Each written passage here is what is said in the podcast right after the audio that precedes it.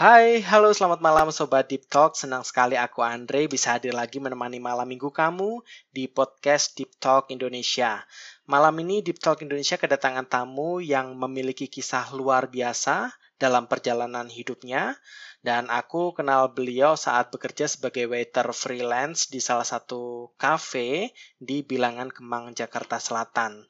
Uh, yang aku kenal sih beliau adalah orang yang memiliki penampilan unik dengan personality yang sangat kuat dan saat ini beliau sedang berkarir sebagai female barista di bilangan Kemang Timur yang memiliki hobi dance kayak gitu. Karena pernah berada pada situasi yang pelik, hal tersebut membuat beliau ini malah menjadi semakin kuat. Hingga akhirnya katanya sih saat ini beliau sedang berlabuh pada satu cinta yang bernama self love. Oke, langsung aja kita sapa orangnya. Hai, halo, selamat malam. Oh, selamat malam Mas Andre. Halo Sobat Indonesia. Halo, iya, karena hidupmu begitu berharga. Oke, uh, perkenalan namanya siapa? Uh, sedikit background kayak gitu, mungkin bisa dijelaskan ke Sobat Deep Talk yang sedang dengerin podcast kita. Gue Kiki, umur 25 tahun sekarang, terus gue kerja sebagai barista karena gue udah lama banget sih jadi barista jadi tetap bergelut di dunia kopi okay. ya kayak gitu dan hobi gue dan Oke. Okay. dance. Oke, okay, namanya Kiki. Asal dari? Uh, gue lahir di Jakarta. Jakarta ya, Ki. Ya? Tapi uh, orang, uh -uh. tapi orang tua uh, dari daerah. Uh, bokap gue dari Makassar, nyokap gue dari uh, Batak. Nyokap dari Batak, bokap dari Makassar uh, besar di Jakarta atau di Jabodetabek atau gimana? Besar di Jakarta. Uh, sebenarnya dari dari gue kecil sampai umur 17 tahun itu gue di Jakarta Utara. Tapi uh, pas setelah 18 tahun gue pindah ke Bogor gitu. Ke Bogor, oke. Okay. Oke, okay. um, Kiki, um, kan dulu kita kenal waktu di apa namanya di kafe ya. Aku aku sih kayak secara garis besar melihat Kiki itu orang yang uh, unik sih kayak gitu. Jadi um, oh. iya, kayak aku itu melihat kamu itu kamu itu memiliki personality yang kuat gitu loh. Jadi kalau orang bagi aku sendiri tuh orang yang memiliki personality kuat itu orang yang unik ya kayak gitu. Unik itu okay. bukan dalam artian spesial. Uh, I don't really agree with special, tapi aku lebih kayak percaya mm -hmm. bahwa orang itu memiliki hal yang unik di dalam hidupnya gitu. Kadang kalau kita mikir tentang spesial itu kadang kita malah kayak sering kecewa gitu loh karena kita terlalu berekspektasi tinggi bahwa orang itu memperlakukan kita harus spesial kayak gitu. Ya enggak sih? Iya benar benar. Beda kalau kita benar kayak banget, unik kayak gitu. Kalau unik itu kan uh, kadang ada orang yang nggak terlalu unik tapi ada banyak yang unik kayak gitu loh. Jadi um, iya, iya. gitu sih. Jadi aku lebih percaya unik aja daripada spesial. I don't know. It could be wrong tapi uh, aku mikirnya kayak gitu. Tolong untuk sobat deep talk uh, mohon untuk tidak judge ya karena ini hanya kayak perspektif aja kayak gitu. Oke Ki, um, boleh diceritain mengenai latar belakang keluarga, terus pendidikan hingga sekarang bisa tumbuh sampai besar sekarang bisa berkarir di dunia perkopian kayak gitu. Dari keluarga aja dulu. Oh, latar uh, latar belakang keluarga ya hmm. latar belakang keluarga sebenarnya nggak nggak ada yang spesial sih dari gue. Cuman ada satu cerita yang kayak uh, mungkin sedikit sedikit apa ya sedikit lebih uh, sensitif sih. Hmm, sensitif. Gitu. Karena ini uh, karena ini menyangkut uh, sebenarnya background yang personality banget uh, untuk gue dan untuk keluarga gue. Tapi uh, di sini gue cuma mau share aja sih. Jadi gue ini kan anak terakhir dari hmm. tiga bersaudara. Gue punya okay. gue punya kakak ada tiga ada tiga orang.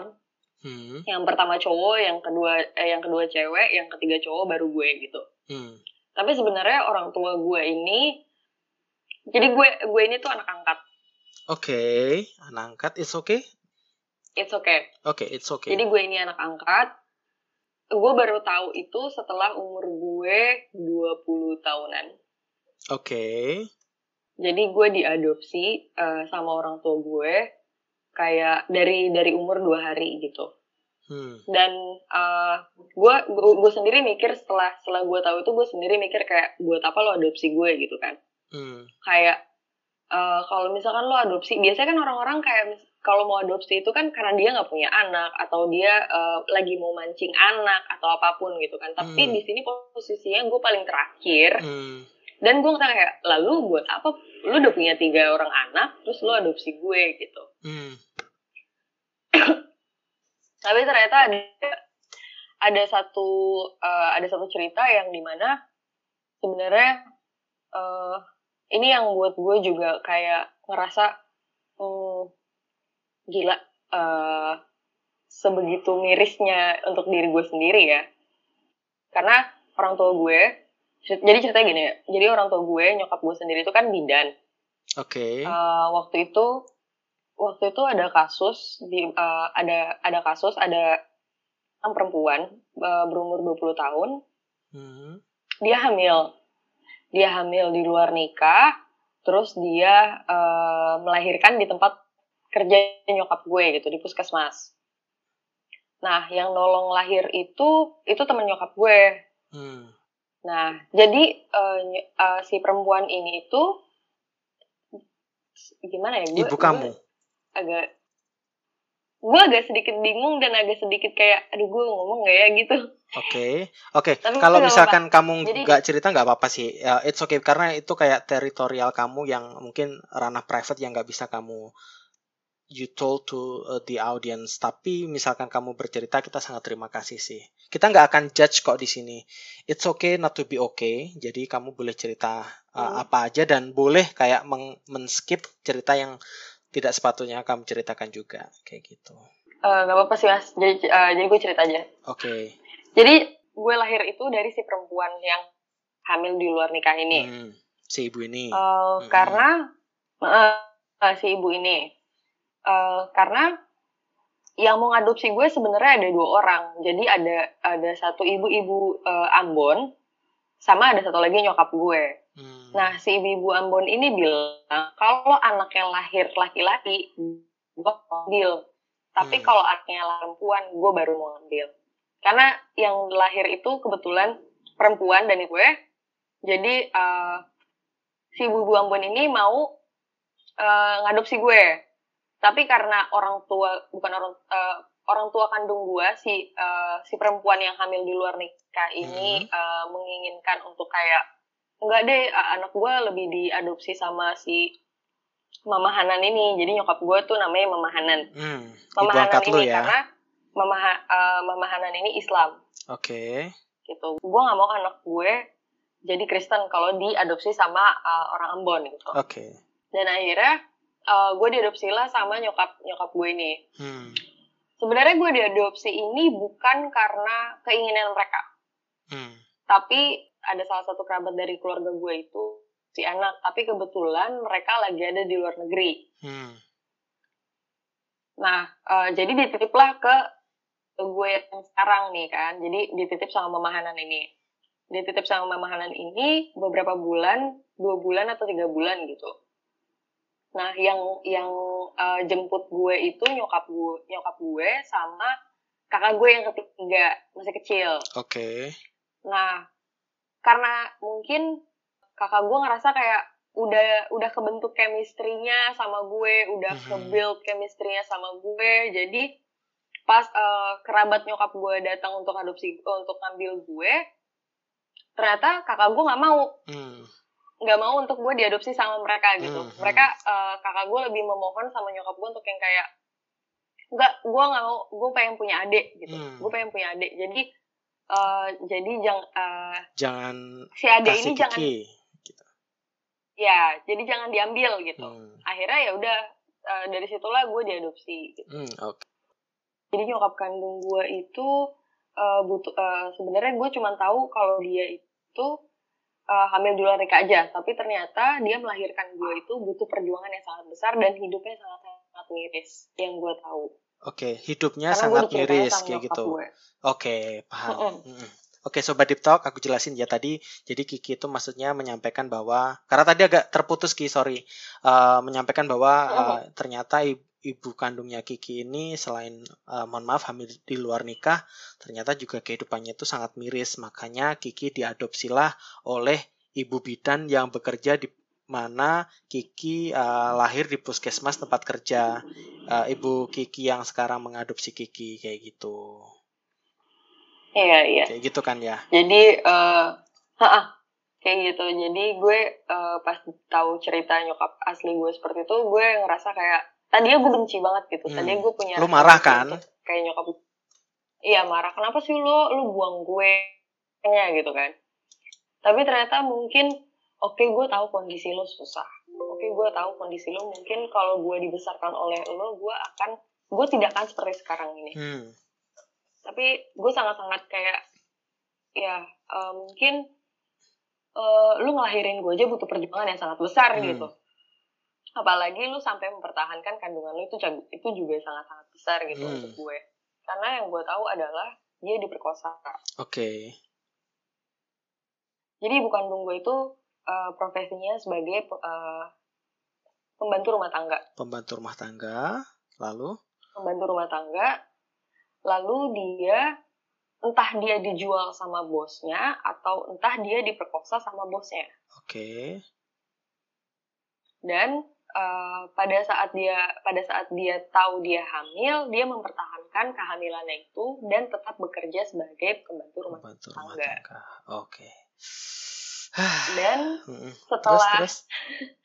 Sorry ya Kia. Uh, no, no, it's okay. Hmm. Uh, dan setelah uh, sudah uh, waktunya untuk melahirkan, maksudnya sudah waktu untuk melahirkan gue, dia sampai harus uh, kabur dulu dari kerjaannya karena dia pengen tetap uh, mempertahankan untuk uh, lahir di dunia ini. Hmm. Ini agak sedikit uh, apa ya nyentuh sih. Iya betul. Jadi betul. Uh, gue ngerasa kayak gila lo uh, perempuan yang sangat-sangat stronger banget yeah. gitu yang di mana lo tetap mempertahankan uh, apa ya uh, janin lo yang di mana yang di mana itu ada ada gue gitu ada hmm. ada seorang nyawa yang akan lahir di dunia ini terus yang uh, lo tetap tetap mau bekerja lo tetap bekerja sebagai pembantu rumah tangga lo terima semuanya lo yang yang gue yang gue tahu yang ada di gambaran gue pasti itu kan ada ada apa ya ada satu tekanan tekanan dari sekitar kan mungkin itu dari bosnya atau mungkin dari siapa uh, sekelilingnya atau gimana gimana gitu karena tetap aja kan lu hamil terus lu lagi hmm. stres stresnya tetap hmm. lu tetap kerja gitu hmm. pasti dia perang batin sampai Ki. pasti gue katanya kayak gila lu kuat banget sampai akhirnya uh, gue lahir dia kabur dulu untuk ke puskesmas setelah itu dia cuma dirawat di rumah sakit uh, di puskesmas itu tuh dua hari. Hmm. uh, abis itu dia kerja lagi. Tapi dia uh, mohon maaf itu keluar dari puskesmas itu izin atau kabur gitu aja? Nggak kabur gitu aja. Dia uh, dia memang minta waktu untuk ya udah gue dirawat dua hari aja okay. karena gue kerja gitu. Sebetulnya kalau disimpulkan gitu mohon maaf nih nyokap kandung kamu itu adalah uh, ibu yang sangat bertanggung jawab sih sebetulnya. Dia bagaimanapun ha harus kayak melahirkan si bayi ini agar si bayi ini dirawat oleh orang yang tepat. Begitu loh Ki. Oh, mungkin kalau benar. dirawat oleh beliau sendiri mungkin uh, Kiki nggak bisa jadi Kiki yang sekarang kayak gitu. Ya nggak sih? Iya. Uh, gue ngerasanya seperti itu sih mas. Karena gue uh, apa ya kayak kayak makin makin semakin dewasa semakin lo berpikir matang gitu kan dan ya, gue ngerasa kayak uh, apa pun yang gue lakukan itu mungkin kayak apa ya sedikit banyaknya gue ngikutin uh, sifat sifat sifat dari nyokap gue nyokap hmm. kandung gue gitu oke okay, oke okay. yang di mana uh, kalau soal kerjaan tuh gue yang kayak nggak bisa ditunda gitu terus hmm. kalau soal kerjaan tuh gue yang kayak enggak enggak uh, gue saklek banget gitu hmm. jadi mungkin tanggung jawab uh, banget ya gue, terus hmm. iya hmm. tanggung jawab banget itu yang gue yang ngerasa uh, kayak kayaknya nyokap gue kayak gini deh gitu Hmm. Nah, gitu ini Ki, salah satu hal yang um, aku perhatikan dari Kiki itu Kiki itu adalah orang yang punya etos kerja yang sangat tinggi. Itu. Jadi oh, um, aku secara personal sih seneng banget sama orang yang punya etos kerja yang sangat tinggi kayak gitu. Karena orang yang punya etos kerja itu profesional banget kalau diajak kerja gitu. Mereka nggak sih yang drama kayak itu tahu nggak sih kan kadang ada kita teman yang satu kerjaan itu drama banget gitu sehingga kita terlibat oleh uh, hal-hal yang di luar kontrol kita gitu loh. Iya nggak sih? Iya iya nah iya uh, iya itu benar sih benar benar benar Mungkin pada waktu itu aku juga melihat Kiki uh, s- sepertinya ada sedikit masalah sih, tapi um, aku, aku sebisa mungkin kayak just ignore karena memang kan nggak terlalu kenal banget dan juga um, nggak sering bareng gitu loh, kecuali kan kita juga sering waktu itu ngopi bareng di luar dan itu masih ada pacar kamu kan kayak gitu gitu itu sih Ki. Heeh. Oke itu kalau uh, background dari uh, latar belakang keluarga ya. Nah kalau dari uh, mohon maaf nih nyokap kandung sudah pernah ketemu atau belum? Eh, belum sih mas Belum, karena oke. eh, eh, gimana ya gue pengen banget untuk ketemu dia terus gue pengen banget menyampaikan terima kasih Terima sudah kasih. Eh, sudah berusaha untuk tetap melahirkan gue di dunia ini Ih, so sweet. Terus terus. terus eh, terima kasih atas semua perasaan cinta yang Hmm, Iya, tuh ya gue ngerasa eh, nyokap kandung gue cinta banget sama gue gitu karena Hmm. tetap dia karena dia tetap mempertahankan nyawa gue gitu kan. hmm, hmm. Tapi eh, gue akan bilang kayak eh gue tetap pengen pengen mau ketemu untuk bilang kayak lo tinggal sama gue aja gitu. Oke. Gue bakal bakal bakal ngerawat lo di masa Hmm. tua lo yang di mana lo butuh seseorang gitu kan. Hmm, Tapi gue nggak tahu mas, maksudnya ada di mana Nah, yang, yang jelas nyokap gue pernah ngomong kayak eh, selama kita tinggal di Jakarta Utara itu nyokap gue tetap pantau gue gitu nyokap kandung gue tuh Oke. tetap pantau gue tetap Hmm. tanya gue sama nyokap nyokap gue yang nyokap yang adopsi gue gitu tapi Hmm. gue nggak tahu karena gue nggak dikasih tahu itu jadi ya gue berpikir kalau misalkan gue na- menanyakan keberadaan nyokap kandung gue sama nyokap gue yang sekarang kayak ada sesuatu hal yang kayak eh, gue nggak mau bikin nyokap nyokap gue ya, nyokap yang adopsi gue itu ngerasa kayak kalau nanyain dia sih lu udah nggak lu udah nggak mau lu udah nggak sayang sama gue gitu Hmm. gue takut ada perasaan seperti itu Oke gitu oke oke. takut takut kayak menyenggol perasaannya dia atau apa Hmm, tapi tetap gue akan cari dia di mana pun dia berada sih Oke.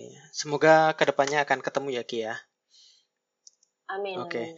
Oke, Sobat Deep Talk, em, aku personally tidak bisa membahas masalah ini lebih jauh ya karena kan ini sangat personal sekali antara Kiki dengan nyokap Kiki, nyokap kandung Kiki kayak gitu dan eh, mungkin eh, nanti nantilah di luar Deep Talk Indonesia itu kita bicarakan soal ini lah lain kali kayak itu ya Ki. oke Eh, aku Iya, ingin iya. beralih sih Ki ke mm, keluarga baik yang mengadopsi kamu eh, hingga kamu bisa sampai sejauh ini perjalanan kamu.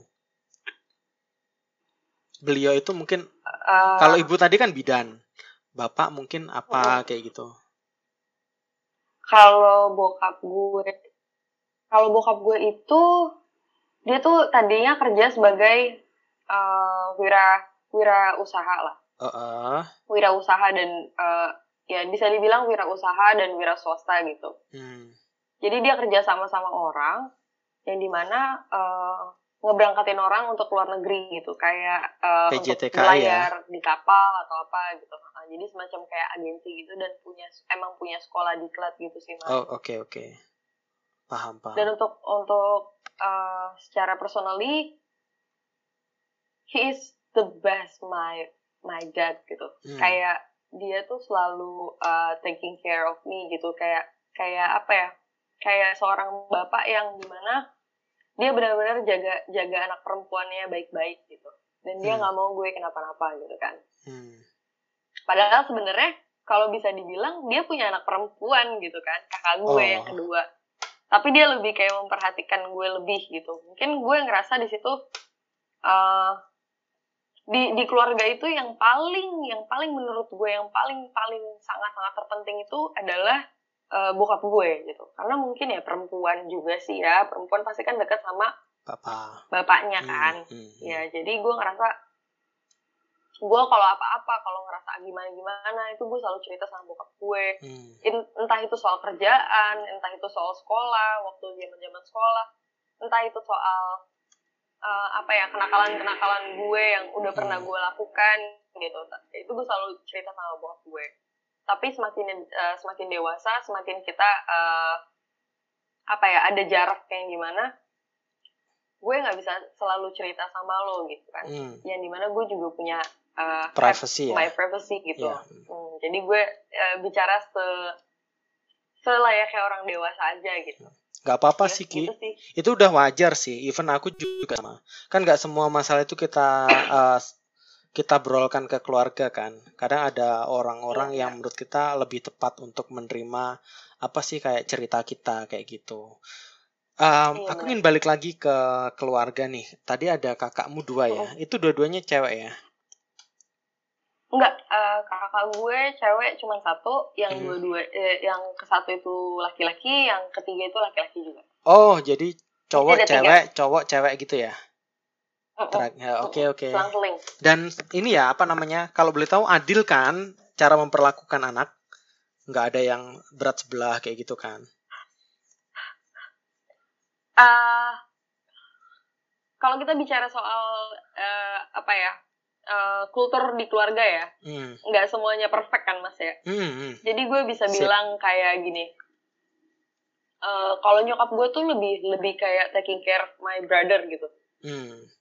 Uh, dia lebih kayak ke laki-laki gitu hmm. karena dia ngerasa uh, gimana ya la punya anak laki-laki tuh lebih susah daripada punya anak perempuan gitu kan yes, kalau nyokap gue selalu berpikir kayak gitu karena kalau laki-laki itu tuh harus di uh, inisiatifnya juga kurang dan harus diarahin hmm, gitu kan hmm. apalagi dia harus dijaga sama seorang ibu yang di mana yang harus dominan gitu kan hmm. tapi kan kalau perempuan kan memang sudah terlahir akan bisa melakukan apa saja gitu kan. Lo mau ngerjain uh, di rumah memang itu sudah sudah uh, naluri lo sebagai perempuan gitu. Terus kalau misalkan lo mau kerja ya lo harus belajar lebih untuk itu gitu kan. Hmm. hmm jadi kalau perempuan dia nggak nggak terlalu yang pusingin banget. Cuman kalau laki-laki ya dia terlalu kayak jadi gue selalu ngerasa kayak kok lebih sayang abang gue sih dibandingkan gue gitu? Tapi kan belum tentu sih apa uh, abang lu juga ngerasa pasti ini papa nih kok sayangnya cuma sama Kiki sih kan. Bisa kayak gitu juga kan dari perspektif kakakmu yo. Iya bisa. Gitu. Iya iya. Gini ya, Ki. itu sering sering sering terjadi sih. Aku juga sama sih case nya di keluarga itu juga kayak cowok cewek cowok cewek gitu. Nah yang cowok cowok ini lebih kayak deketnya ke ibu kalau yang cewek-cewek deketnya ke bapak jadi aku tuh ngerasain banget waktu bapak itu lebih kayak sayang ke kakakku yang perempuan kayak lebih dulu itu sering dikasih uang atau disekolahin, dikursusin kayak gitu-gitu loh. Jadi lebih kayak di uh, menurut aku lebih kayak diutamain. Tapi uh, itu pun juga terjadi hanya pas waktu sekolah tapi setelah kita sama-sama dewasa semuanya juga kayak kembali ke normal kayak gitu aja jadi memang kayaknya memang udah iya, hukum iya, iya. alam deh kalau bapak lebih condong ke anak perempuan ibu lebih condong ke anak laki-laki kayak gitu iya, iya. mungkin uh, ya 40 60 persen lah kayak gitulah ya pembagiannya mungkin. Iya, iya. Tapi nggak semua ya, maksudnya ini Emang mungkin kasus-kasus kasusku mungkin kebetulan sama-sama kasusnya Kiki kayak gitu. Jadi sob, iya, iya. sobat Deep Talk ini uh, mungkin pembicaraannya kayak kita ambil perspektif dari personal kita ya kayak gitu. Jadi nggak bisa dipukul iya. rata kayak gitu. Oke, menarik juga sih Ki kayak uh, kamu dari dari awal pembicaraan tadi aja udah kayak state something yang menurut aku itu kayak uh, apa ya kayak telenovela gitu loh jadi udah ada dramanya yeah. gitu mungkin kalau kamu jadi penulis kamu kayak bisa mengelaborasi semua ceritamu dalam satu buku novel kayak gitu ki kamu harus belajar nulis kayaknya ki iya, belajar iya, nulis sendiri aja kayak, hmm. pengen banget sih pengen banget kayak hmm. uh, apa ya uh, pengen banget untuk yang kayak mencurahkan uh, apa pun yang gue rasain apa pun yang gue uh, apa ya yang pernah gue alamin gitu gue pengen hmm. banget untuk tulis karena gue ngerasa kayak kok jalan, jalan cerita hidup gue tuh gini banget ya hmm. gitu hmm. terlalu banyak kayak kenapa sih kok kayak gini kenapa sih orang-orang kok nggak kayak apa yang gue rasain hmm. gitu hmm. tapi ya uh, belum belum saatnya sih mas kayak gue harus uh, memik uh, banyak yang harus gue pertimbangkan gitu. Hmm. apa uh, yang mau gue ceritain atau okay. yang mau gue tulis gitu kan. Hmm. tapi bagus sih kalau dibikin buku gitu kayaknya bakalan banyak peminatnya. Mungkin aku akan menjadi salah satu pembeli pertama. Oke okay, itu kalau dari latar belakang dari latar belakang keluarga ya kita beralih ke pendidikan. Nah Kiki sendiri tuh sekolahnya dulu di mana sih? SD mungkin dari TK SD SMP SMA itu ke mana aja kayak gitu? Uh, kalau SD SMP itu gue di Jakarta Utara mm-hmm. uh, dan uh, itu SD gue negeri SMP gue swasta kalau SMP di swasta yang di mana kakak gue dulu pernah sekolah juga di situ oke okay, ngikut kakak lah ya jadi kayak hmm. uh, iya jadi kayak uh, udah deh di, di sekolah swasta kakak aja deh hmm, gitu. Jadi gue okay. lebih pengen yang kayak oh ini di situ aja. Hmm, terus? Jadi bisa dititipin juga kan. Kalau SMA gue itu di Jakarta Pusat. Jadi waktu rumah gue di Jakarta Utara gue sekolahnya di Jakarta Pusat. Dan itu gue ngambil uh, perhotelan. SMK gitu. SMK okay. Enggak SMK sih mas. Lebih ke SMIP SMIP itu apa? Karena swasta juga. SMIP itu Sekolah Menengah Ilmu Perhotelan. Oh, oke. Okay. Waktu SMP, gitu. SMA sering aktif apa? Organisasi kah? Uh, tadi kan suka dance. Dance itu mulainya kapan? Dance itu mulainya itu mulai aktifnya ya. Hmm. Mulai aktifnya itu sebenarnya SMA. Tapi gue sudah mengenal uh, dance itu tuh dari SMP karena gue hmm. ikut ekstrakurikuler waktu uh, eh, SMP tuh lumayan banyak kayak kayak klub bahasa Inggris terus kayak uh, dance juga terus kayak ada basket juga gitu hmm. terus ada ada beberapa kayak tata boga juga gue ikut kayak gitu gitu aktif juga ya termasuk aktif ya aktif. Cuman uh, ya setengah-setengah gitu ya? personally yang kayak bukan setengah-setengah sih jarang banget dapat eh bukan bukan jarang sih tapi lebih kayak sedikit banget teman-teman gue yang gue ikut organisasi-organisasi itu tuh sedikit banget teman-teman gue gitu. Oke. Okay. kurang membaur kalau kalau dulu tuh lebih kurang membaur karena nggak tau ya rasanya kayak ih gue nggak pede aja gitu. Oh oke. Okay. cuma ikut gitu aja ya pengen tahu ilmunya kayak apa iya, gitu cuman, ya uh -uh. iya cuman ikut aja gitu. Bagus sih ki. Udah ada keinginan untuk kayak apa namanya bersosial kayak gitu. Itu udah keren sih. Gitu. Terus uh, bagaimana bisa ceritanya tiba-tiba kamu seorang Kiki uh, menjadi seorang barista Oh, kalau itu lucu sih sebenarnya. Jadi waktu itu gue kan karena gue lulusan uh, perhotelan ya. Terus hmm. gue tuh uh, di sekolah itu kan kalau SMIP itu kan beda uh, jurusannya gitu. Kalau misalkan SMK terus ada SMK negeri gitu kan pasti jurusannya yang kepecah gitu mas. Jadi yang kalau hmm. kalau ya tetap buka tetap boga, terus kayak misalkan perhotelan ya perhotelan gitu. Tapi di sini gue dapet semuanya gitu yang di swasta itu gue dapat uh, uh, di dunia F&B iya dapat terus gue dapat di dunia uh, apa perhotelan yang di mana gue ngurus front, uh, front office sebagai front office. Terus gue ngurus housekeeping juga pas mau segala macam itu gue dapat terus uh, sebagai bartender juga gue dapat gitu. Jadi gue bisa cobain semuanya gitu. Wow. waktu gue kerja pertama kali itu lulus SMA hmm. di tahun 2013 itu gue kerja sebagai waiter. Waiter? Dan gue sama sekali iya. Dan gue sama sekali nggak tahu yang namanya dunia F&B gitu. Gimana caranya gue nge-serve ke tamu gimana caranya gue uh, clear up gimana caranya gue setting table gitu gue nggak tahu sama sekali. Dan itu gue belajar untuk yang kayak gimana ya gue harus harus uh, interaksi sama orang tuh gimana ya? Karena karena personally gue grogian banget gitu kalau ketemu orang baru tadinya dan gue ngerasa nggak pede. Dan di situ gue belajar banyak banget untuk yang uh, aktif sama tamu. Terus kayak lo harus upselling uh, apa ya menu makanan lo yang yang lo yang yang harus uh, best seller tuh lo harus jual gitu.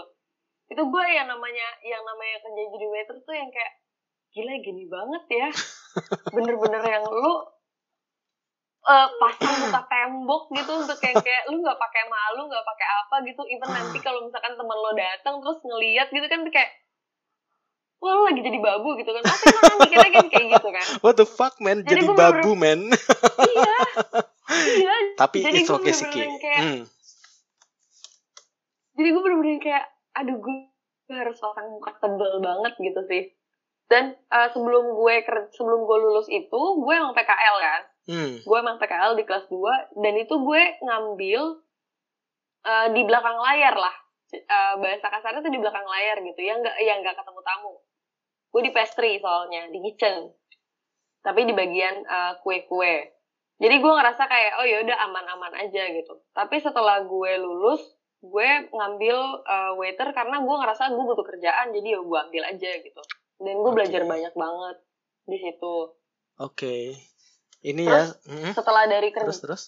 Setelah kerja dari kerjaan itu, gue beralih lagi untuk yang di mana, oh yaudah, oh lagi, hmm, gue lagi pengen ngambil profesi yang uh, gue jalanin waktu gue PKL sebagai pastry gitu. Jadi gue ambil lah tuh, gue ambil, dan gue ngerasa kayak, kok ini bukan passion gue banget ya. Hmm karena di dunia pastry itu kan lo harus bener-bener kreatif banget untuk yang namanya uh, ngedekorasi kue kan ya uh, gue nggak soalnya gue nggak se-expert untuk yang apa uh, bisa ngedekor kue gitu yang di mana gue kayak stuck uh, stuck kayak ya udah kalau kalau gue dikasih kerjaan untuk bikin kue ini ya kue ini aja gitu model ini aja gitu jadi hmm. jadi gue nggak ada kreasi apa apa okay. gitu kan hmm. dan gue kurang kreatif oke okay. nah dari situ hmm. sih gue yang ngerasa ya namanya juga masih muda juga kan mas. Jadi kayak ngerasa uh, gue kurang nih di sini nih masih hmm. cari jati diri lah. Cari jati diri. Waktu itu. Iya nyari jati diri nyari cocoknya lo kerjanya di mana gitu kan. Akhirnya keluar dari pastry gue kerja sebagai waiters lagi.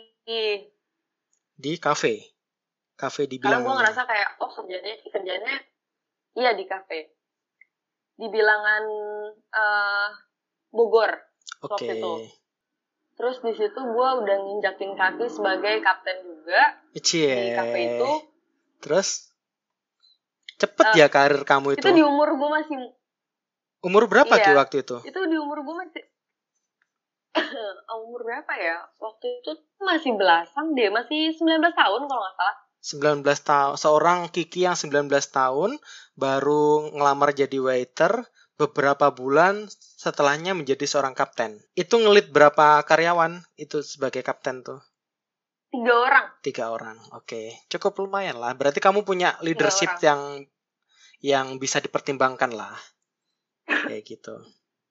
Kalau orang-orang bilang lebih kayak uh, gue tuh terlalu dominan gitu. Ditaktor nggak? Dan gue secara personally enggak sih, ditaktor sih enggak. Cuman uh, lebih kayak secara personally gue tuh orangnya yang kayak uh, perfect banget gitu hmm. kayak gue nggak mau kalau misalkan ada barang yang sedikit miring aja tuh gue yang kayak risih gitu ngeliatnya gitu terus kalau misalkan barang barang lu dapetnya dari mana terus ditaruh di tempat sembarangan tuh gue nggak bisa gitu kan hmm. terus gue untuk taking care uh, customer juga yang bener-bener carefully banget yang di mana gue nggak bisa sembarangan sama customer gitu hmm. jadi bener, bener jadi bener-bener yang kayak gue selalu ngelit teman-teman gue yang di mana mereka ya biasa anak muda juga. Mm -hmm. seumuran gue tapi gue lebih terlalu kayak ketuk gitu loh mas. Kayak nggak bisa paham. harusnya kayak gini loh gitu. karena kamu ini ki punya sisi organize satu. Yang kedua itu uh, perfeksionis. Yang ketiga kamu tuh kayak punya standar. Iya nggak Iya, bener banget. Bener kan?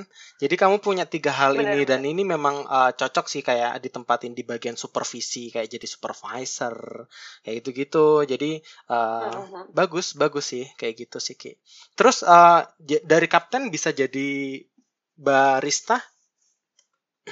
Nah, waktu gue kerja jadi kapten itu kebetulan juga gue kan eh, suka main eh, kayak ke barnya gitu kan.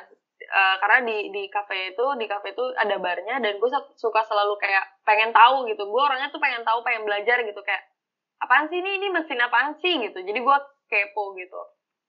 Dan lo tau lah kan kalau sebagai waitress kan lo juga harus tahu ya namanya eh, jenis-jenis minuman gitu. Jadi gue belajar dari situ dulu, dari situ dulu. Setelah itu gue keluar dari kapten, gue keluar dari tempat kerja itu.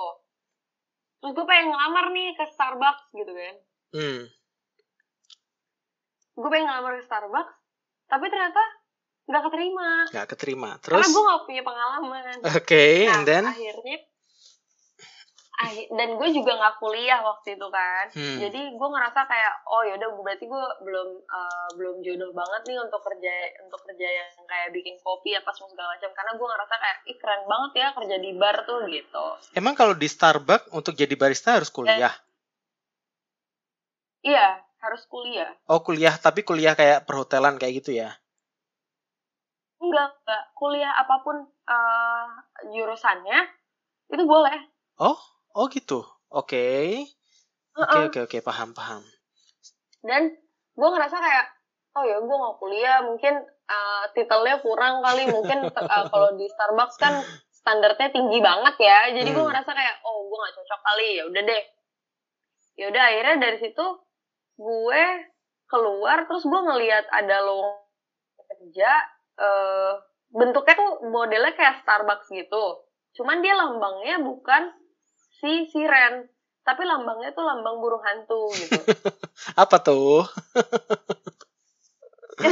itu Max Coffee Oh, Max Coffee. Oke. gue- yang kayak ah, ah. akhirnya gue langsung kayak ih coba ah gitu dan kebetulan emang dek, uh, walk interviewnya itu kan deket dari rumah gue kan Hmm. Gue coba gue coba iseng-iseng. Ternyata gue lolos. Lolos setelah itu? lolos dan gue seneng banget. Dan itu kan uh, dia ngebutuhin barista gitu. Hmm. sedangkan gue yang pengalamannya nggak ada barista sama sekali gitu kan. Hmm. akhirnya gue lolos. Dari situ gue mulai yang kayak oh gue minat banget nih ada di sini. Gue belajar mulai dari gue bikin kopi mulai dari gue steaming susu mulai dari gue eh, kerja di bar tuh seperti apa sih flow-nya gitu Hmm. untuk ngelayanin customer tuh seperti apa sih yang di mana kan American style banget kan Hmm. bener-bener bukan yang lo jadi wait eh, lo lo jadi waiter juga lo ngasirin juga lo bikin Hmm. kopi juga Hmm. gitu dan gue belajar banget di situ Oke. untuk di di dunia itu. Nah dari situlah gue mulai yang kayak, oh gue udah mulai, eh, gue belajar banyak kayak, oh gue udah bisa ini nih, gue udah bisa latte art nih, gue udah bisa bikin kopi ini, bikin kopi itu gitu. Akhirnya di situ mulai tuh karir gue naik, naik, naik, naik gitu kan. Pengalaman gue juga oke gitu.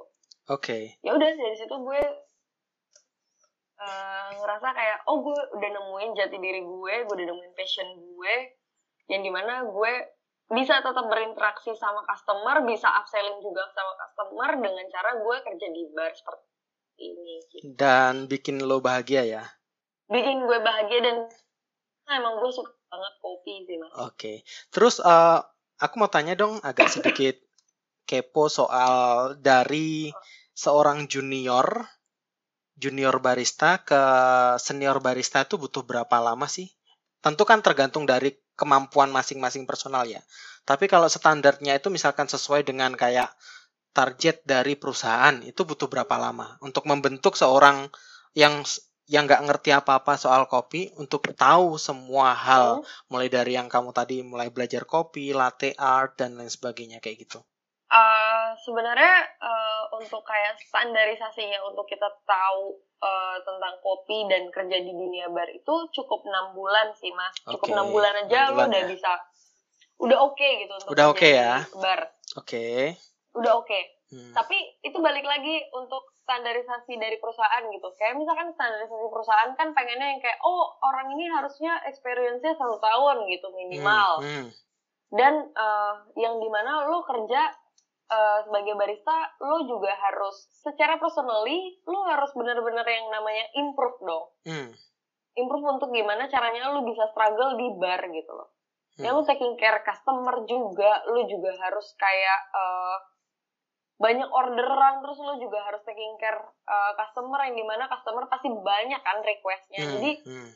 Uh, yang yang di situ lah yang memang lo harus dibutuhkan untuk lo bisa harus bisa improve sendiri hmm dan itu uh, cukup lama ya uh, satu setengah tahun gue baru bisa untuk ya yang uh, bener-bener oke okay banget berada di posisi itu gitu jadi harus ini ya bisa mandiri lah Iya, bisa mandiri. Oke, mandiri kayak sesuai misalkan requestnya customer seperti ini harus dibuatkan kayak gitu. Jadi kita harus kayak ngotak-ngotak kotak kita sendiri, langsung bikin jadi -huh. kayak gitu ya. Oke.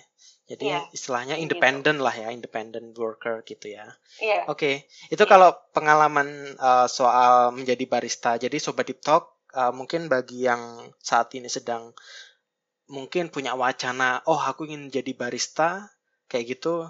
Tuh tadi dengerin Kiki kalau mungkin untuk menjadi seorang junior ke senior barista yang tahu semua hal itu cukup enam bulan. Tapi kalau misalkan kayak kamu ingin yeah, iya. improve yeah. itu okay. butuh waktu satu tahun lah ya kurang lebih ya satu tahun lebih lah ya kalau Kiki sendiri kan satu setengah tahun oh, tapi kan orang lain belum tentu bisa kurang bisa lebih dari itu kayak gitu iya benar gitu. balik lagi secara personalis ya. balik ya? lagi dari kemampuan masing-masing oke menarik menarik um, mm -hmm. karena barista ini sekarang lagi ngetren ya di mana-mana banyak menjamur warung kopi sorry kafe kafe terus coffee shop kayak gitu. Kalau warung kopi kan iya, yang burjo itu. Wah, iya. Oke. okay. warkop warkop ya. Warkop oke. Okay. anak warkop nih soalnya. Warkop banget soalnya. Anak warkop banget ki. Oke okay, itu tadi kalau uh, membahas masalah pekerjaan. Nah aku ingin beralih ki ke sedikit uh, pengalaman. Jadi kan pasti dalam perjalanan hidup ini Kiki kayak uh, pastilah pernah mengalami belangsak belangsaknya kehidupan kayak gitu. Ngerti nggak Kim belangsak hmm. ngerti ngerti nah, ngerti. mungkin Kiki boleh cerita mungkin satu atau dua pengalaman yang bisa dirunut dari A sampai ke Z kayak gitu. Apa sih cerita Kiki? Uh, kalau soal untuk pribadi sih sering banget sih ngerasa kayak uh,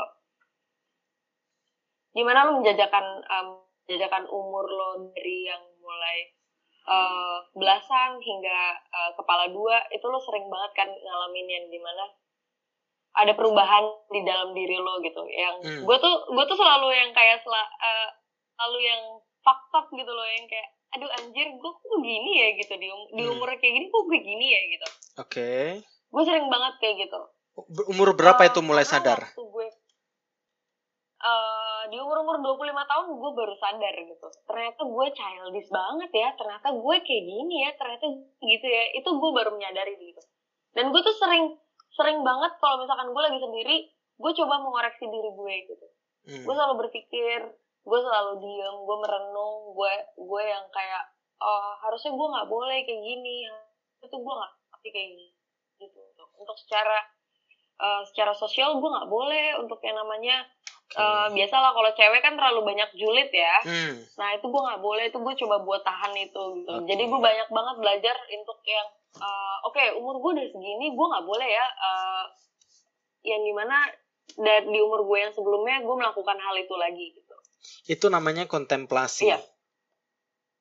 Jadi Iya, iya, iya, iya. Kita berbicara dengan diri kita sendiri, mengkoreksi, mengkurasi, memfilter apa aja yang yang masuk ke dalam pikiran kita dan hati kita kayak gitu. Dan kita kayak berbicara dengan diri kita iya, sendiri iya. aja kayak gitu. Oke, keren sih. Terus terus iya, iya. lanjut. Ya, uh, sama waktu itu uh, yang yang paling fakta sih sebenarnya waktu umur gue di dari belasan dari 19 ke 20. Ya.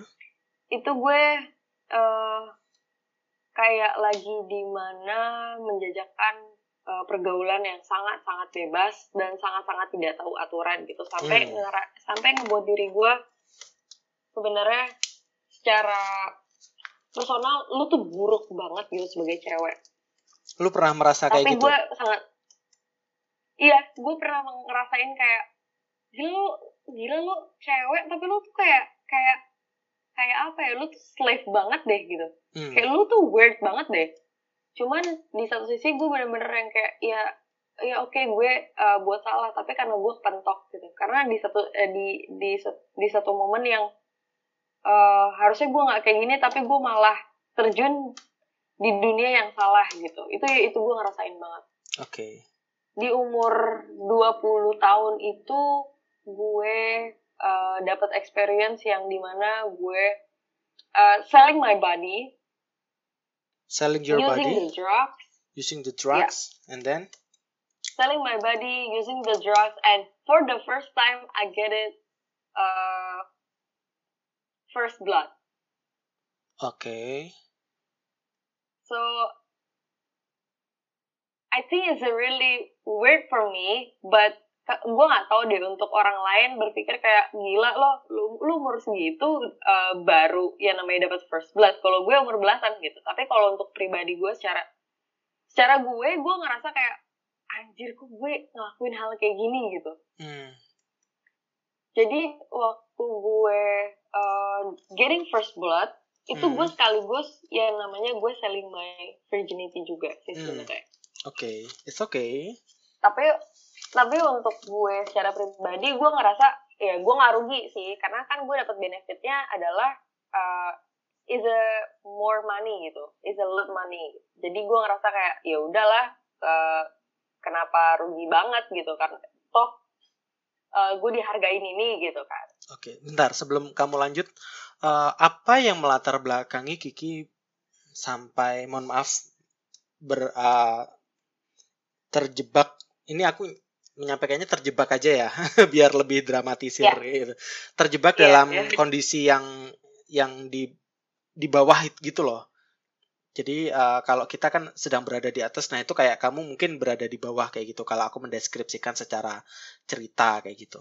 Apa yang melatar belakangi Kiki selling your body, uh, using drugs and first first apa first blood kayak gitu. first blood getting first blood Apa yang melatar Jadi belakangi? Ki? waktu itu yang melatar belakangi sebenarnya adalah uh, pertama rasa keingintahuan yang besar Oke.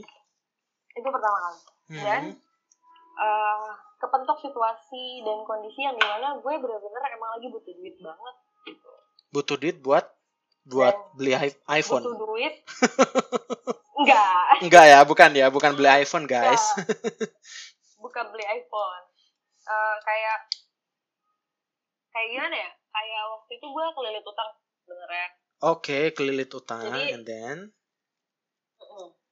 Kelilit utang yang di mana gue bingung untuk gimana ya caranya gue dapat duit instan dan duit itu tuh besar gitu. Karena utang gue juga utang gue ke, ke- nominalnya tuh udah jutaan gitu. Jadi gue Hmm. bingung untuk gimana caranya gue dapat duit instan gitu. Oke. Akhirnya ada satu momen yang di mana eh, pas banget nih untuk gue ngambil eh, kesempatan ini gitu karena eh, gue juga kenal beberapa teman yang kayak kejadiannya kayak gitu jadi akhirnya gue yang kayak oh yaudah deh gue gitu aja deh gitu Hmm.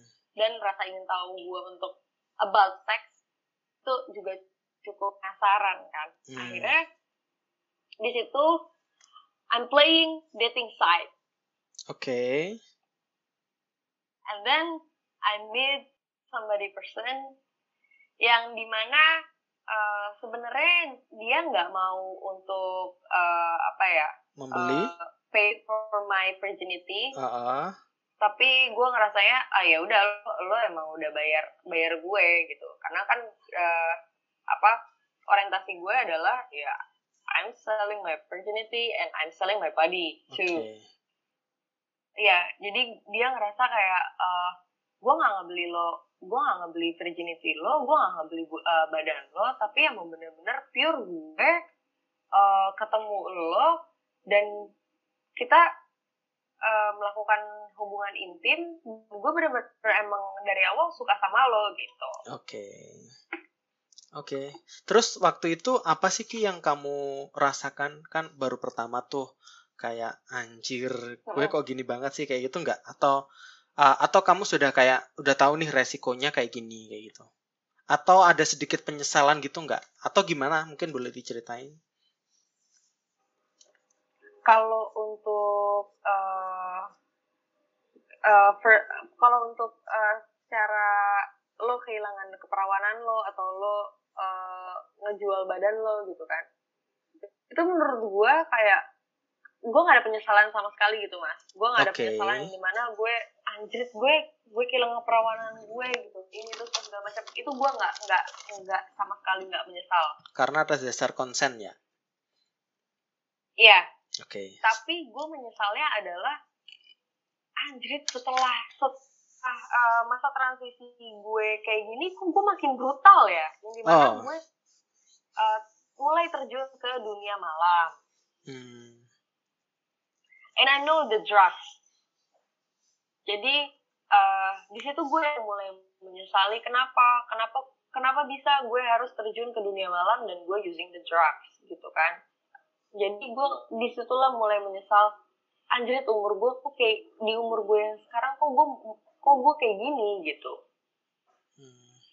nah uh, setelah dari yang gue uh, selling my body emang gue keluar dari kerjaan barista itu sempat keluar dari kerjaan barista dan mulai mengambil alih oke okay, gue kerja malam dan gue jadi ladies count alias LC gitu yang nemenin orang karaoke yang nemenin orang yang uh, lebih dewasa dari kita atau yang dibilangnya om-om itu gue temenin untuk uh, temenin dia di ruang karaoke gitu hmm. okay. dan uh, duit sampingan besarnya juga gue yang uh, karena gue tahu gue udah gak perawan lagi jadi ya yaudah gue jual uh, jual uh, jual badan gue gitu ya, yang open bo juga hmm. di situ yang gue uh, menyesali menyesali adalah kok gue terjun ke dunia malam ini gitu kan. Sampai kalau yang lebih parahnya lagi kalau misalkan gue lagi nggak uh, apa ya lagi nggak ngerum gitu. Kalau bahasa anak-anak LC itu kan ngerum ngerum itu kan lagi nggak lo lagi nggak dipilih gitu. Hmm. jadi kan lo pasti nggak dapet uang dong. Hmm. di hari itu dan di malam itu. Otomatis lo uh, open bo kalau enggak ya lo cabut dari cabut dari tempat karaoke itu terus lo pergi ke klub mana gitu untuk nemenin orang-orang baru atau orang-orang stranger gitu kan nah di situ gue yang uh, mulailah kenal yang namanya narkoba di situ. Hmm. Yang gue datang ke klub di daerah kota. Di kota itu kan banyak banget dan emang udah terkenal banget kan di situ merajalela yang namanya obat-obatan gitu. Hmm. Nah, untuk meningkatkan rasa pede gue, temen gue bilang kayak lo harus cobain ini gitu. Karena gue juga ya gue tuh kan kepo banget kan. Hmm. Oh, yaudah deh gue cobain gitu. Hmm. Ternyata uh, itu yang bikin gue nagih nagih nagih nagih gitu kayak selalu kalau misalkan gue untuk uh, nemenin tamu di klub mana gitu itu gue selalu yang kayak uh, yaudah deh lu beliin gue ini aja deh gitu. Hmm. yaudah deh lu lu beliin gue uh, nekan aja deh gitu kan. Jadi akhirnya gue ketergantungan? Uh, ketergantungan. Oke. Okay. itu gue setiap hari kayak gitu. Terus, dan gue ngerasa hmm? kayak kok gue kayak gini ya?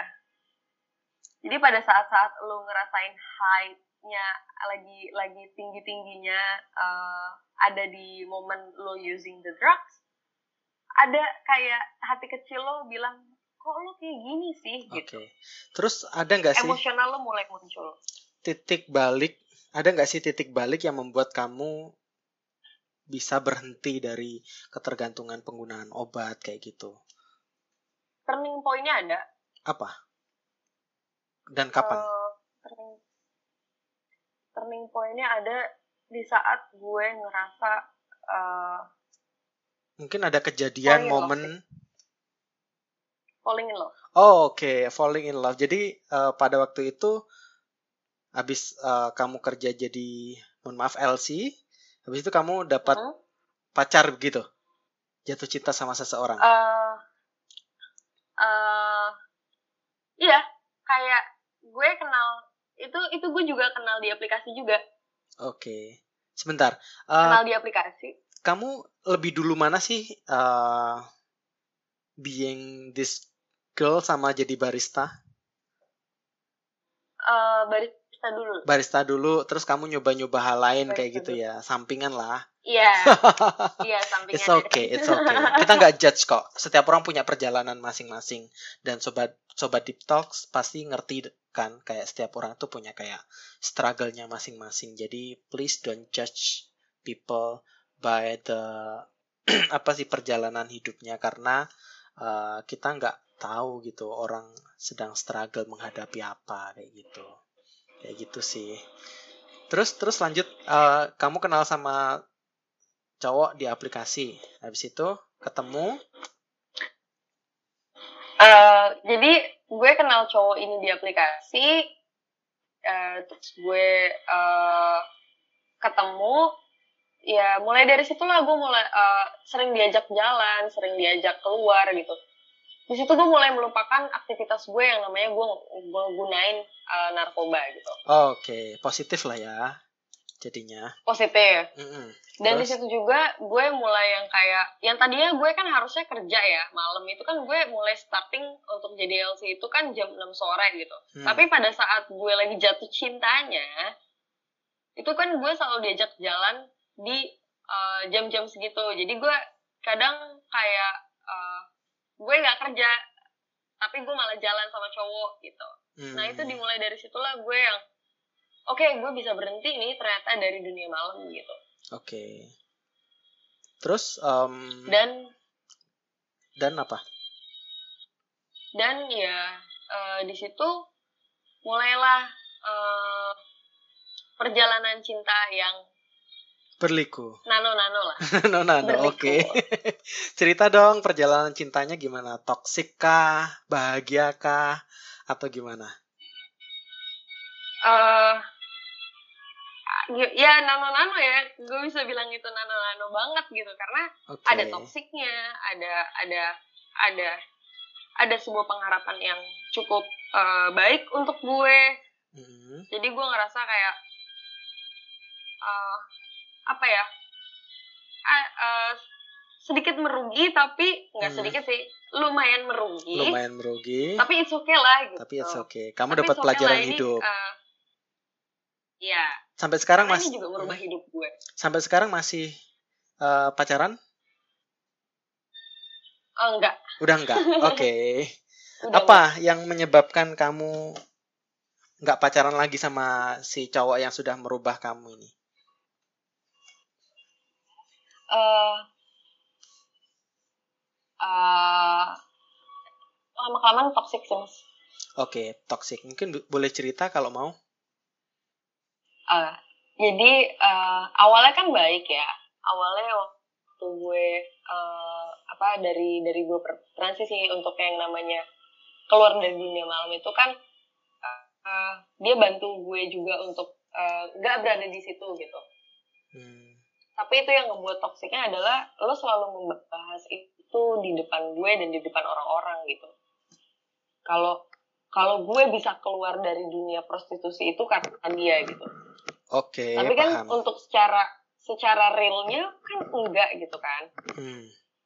Lu hanya sebagai medi, lu hanya sebagai perantara eh, Fasilitator lah perantara ya. di mana iya untuk untuk memilih untuk memilih mau keluar atau enggaknya dari dunia prostitusi itu kan tetap balik balik lagi ke diri gue sendiri kan. Hmm.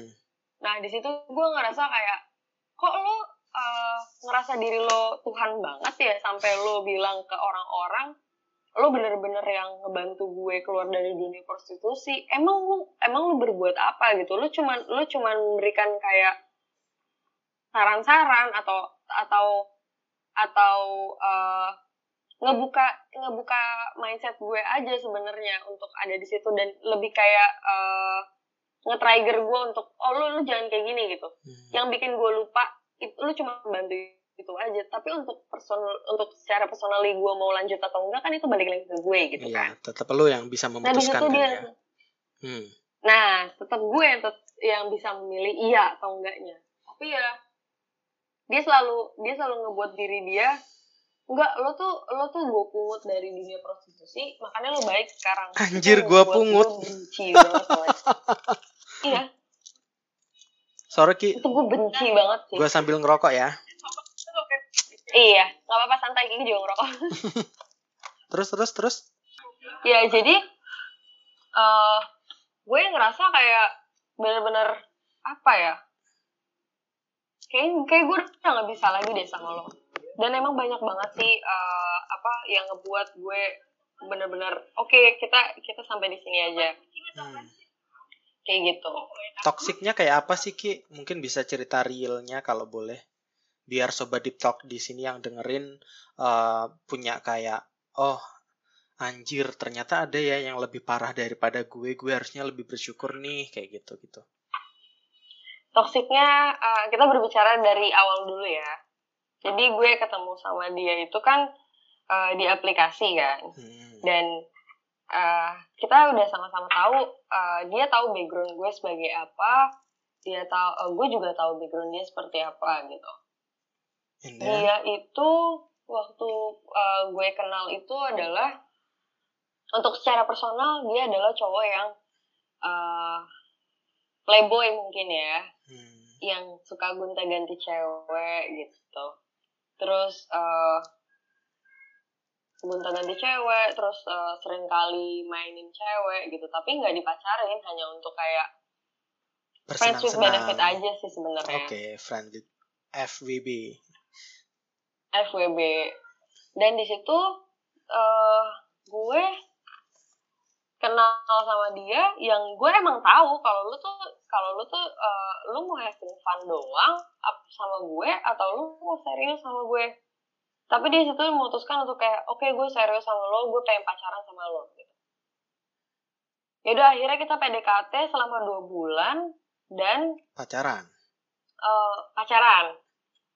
Dan di situ pun gue yang namanya eh, pacaran sama dia kan gue udah bilang sebelum sebelum pacaran sama dia gue kayak gini gue tuh eh, cewek yang eh, pernah kerja di dunia malam gitu. Lo yakin pacaran sama gue? Lo nggak sakit hati? Gue gue selalu ngasih warning ke dia. Tapi dia bilang kayak enggak enggak it's okay kok kata dia. Oh ya udah. Setelah itu berjalan gue pacaran sama dia sampai eh, tiga bulan itu gue yang lagi apa ya eh, pengen anjrit gue harus ini dorongan dari orang tua juga sih anjrit gue harus harus kerja di luar negeri nih gitu Oke. terus gue mulai ngambil diklat diklat eh, pelayaran lah diklat pelayaran gue sekolah sekolah pelayaran juga waktu itu untuk buat gue bisa berangkat ke kapal gitu Hmm.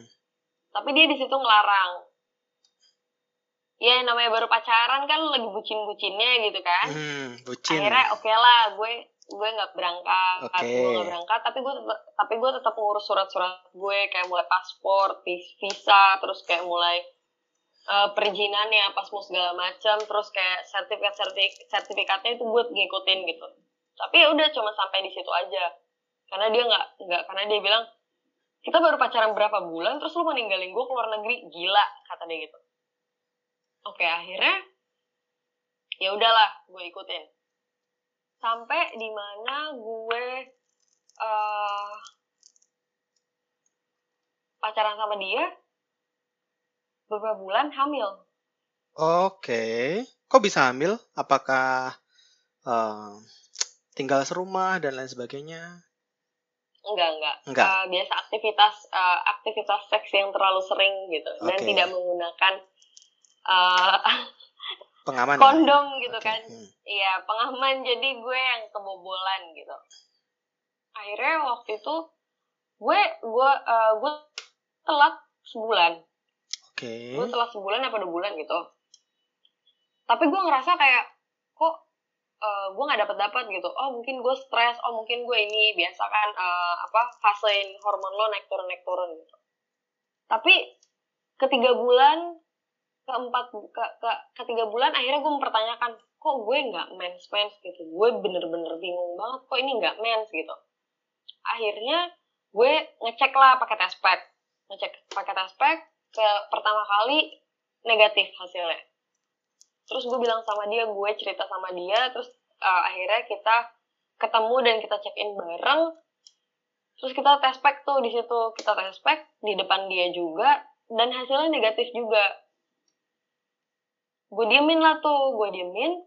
Sampai udah mau usia kandungannya ke empat bulan itu gue itu gue ngerasa kayak kayaknya gue hamil deh. Bisa salah gitu ya? Itu yang gue ngerasa kayak kayak gue hamil deh. Dan gue ngerasa feeling gue kuat banget kalau gue hamil. Karena perubahan hormon itu kan pasti ada. Hmm. kayak gue marah-marah gue gampang nangis gue uh, lebih emosinya labilnya. turun. Hmm. iya. Terus gue yang kayak uh, selalu pengen tiap hari ketemu dia selalu pengen tiap uh, tiap waktu uh, ngeliat mukanya dia. Tapi ternyata pas ketemu? Pas ketemu tuh yang kayak kesel sendiri gitu. Oh, gitu. Kayak apaan sih lo gitu. Jadi gue ngerasa kayak anjir gue hamil nih gitu kan. Bawaan orang hamil kan kayak gitu kan. Setelah gue cek-cek gitu di Google anjir gue hamil nih kayaknya. Dan dari situ pun kayak tiap malam gue ngerasa kayak aduh kok gue sendiri banget apa segala macam. Dan dan perut gue perut gue makin besar juga. Akhirnya di situ gue nanya sama dia lo mau gimana? Lo mau pertahanin anak ini? Lo mau bertanggung jawab atau yang gimana? Terus dia bilang kayak uh, ya oke okay, gue pertahanin. Gue tanggung jawab. Oke okay. okay. gue bilang oke okay, kalau kayak gitu setelah itu gue uh, mempertahankan kandungan itu. Tapi di satu sisi kayak kayak gue nggak bisa deh gitu. Sampai yang gue bilang uh, gue gue nggak mau deh. Karena lo tahu lo agama lo beda agama gue beda. Gitu kan. Sampai gue nggak mau nanti orang tua gue nyangkanya gimana gitu. Gue masih takut lah sama uh, sama orang sama keluarga gue gitu. Akhirnya gue minta sama dia uh, sama dia obat uh, penggugur hmm. setotek oke okay. terus dikasih sama dia dua gitu terus dia bilang kayak kalau lo mau gunain ini kita check in kata dia karena gue nggak mau posisinya lo nanganin sendiri hmm. oke okay, ya udah pas gue mau gunain itu itu bener-bener gue ngerasa kayak anjing ini nggak bisa nih gue nggak bisa nih kayak gini nih hmm. ini ini ini tuh udah jadi daging. Gue udah ngerasa kayak gitu. Ini tuh udah udah nyawa. Ini tuh ini tuh anak gue gitu. Gue yang kayak perasaan kayak aduh gue nggak bisa nih nggak bisa. Lu perang batin akhirnya ya? situ gue memutuskan iya gue perang batin banget. Akhirnya situ gue memutuskan untuk kayak nggak gue mempertahankan anak ini. Dan di situ akhirnya gue nggak gunain otak itu terus temen gue ngubungin gue dan ya ya udah akhirnya gue jual set otak itu lama temen gue terus yang paling lucunya adalah jalan ke lima bulan itu gue kerja emang hmm. ngambil event di hotel dan uh, mungkin kecapean kali ya uh, karena kan dari Jakarta Bogor Jakarta Bogor gue naik motor sendiri gitu oke okay. uh, jalan ke lima bulan itu ya udah gue uh, waktu itu lagi ada di rumah gue kontrak uh, gue dapet flag okay. dapet flag gitu terus jam 12 siang sampai jam jam jam 12 sampai jam 2 siang itu gue ngalamin kontraksi. Oke. Okay.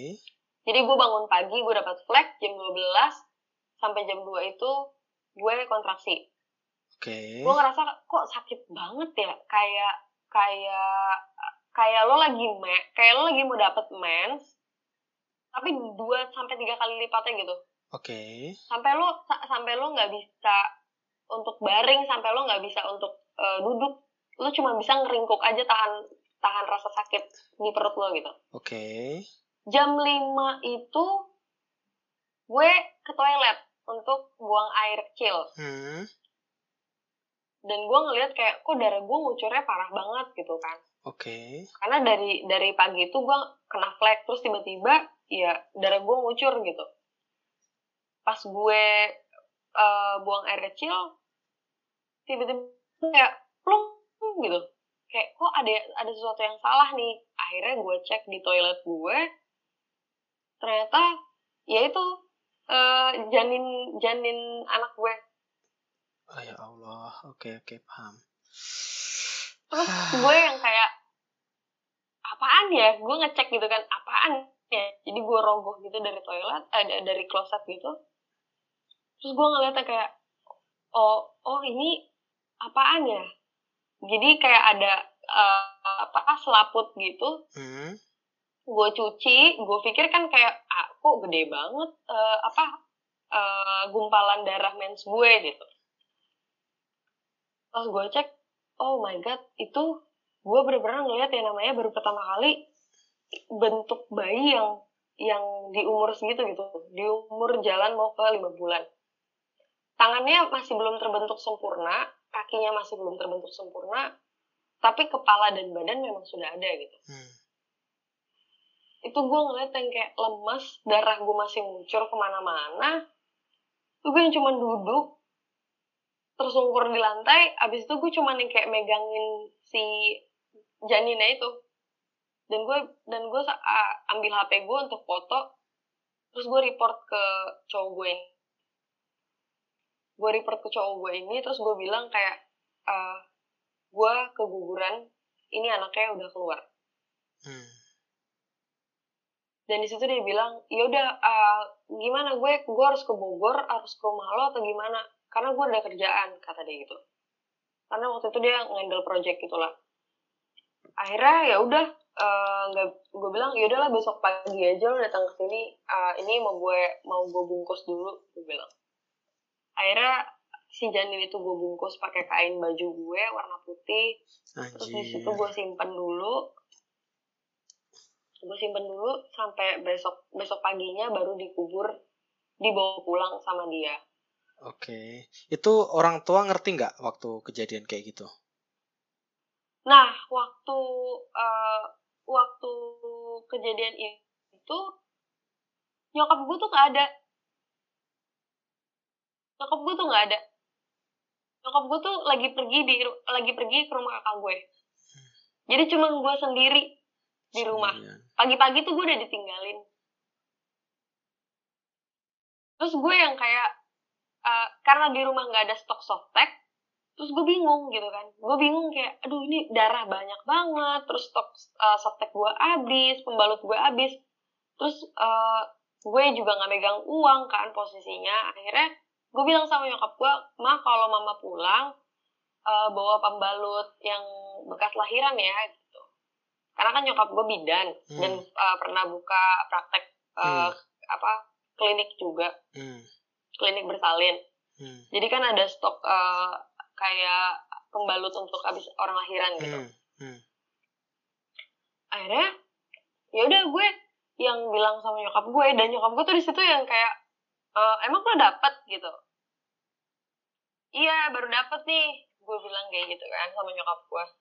Terus uh, kok kenapa harus pakai softtek yang uh, orang bekas lahiran? Emang baik banget gitu.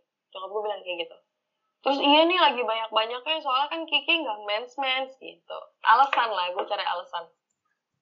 Akhirnya nyokap gue mungkin nyokap gue yang namanya bidan juga tahu kali kan. Hmm. tapi ya dia nggak mau ngambil pusing. Jadi dia cuma bilang kayak oh, ya iya dan mau bawain gitu.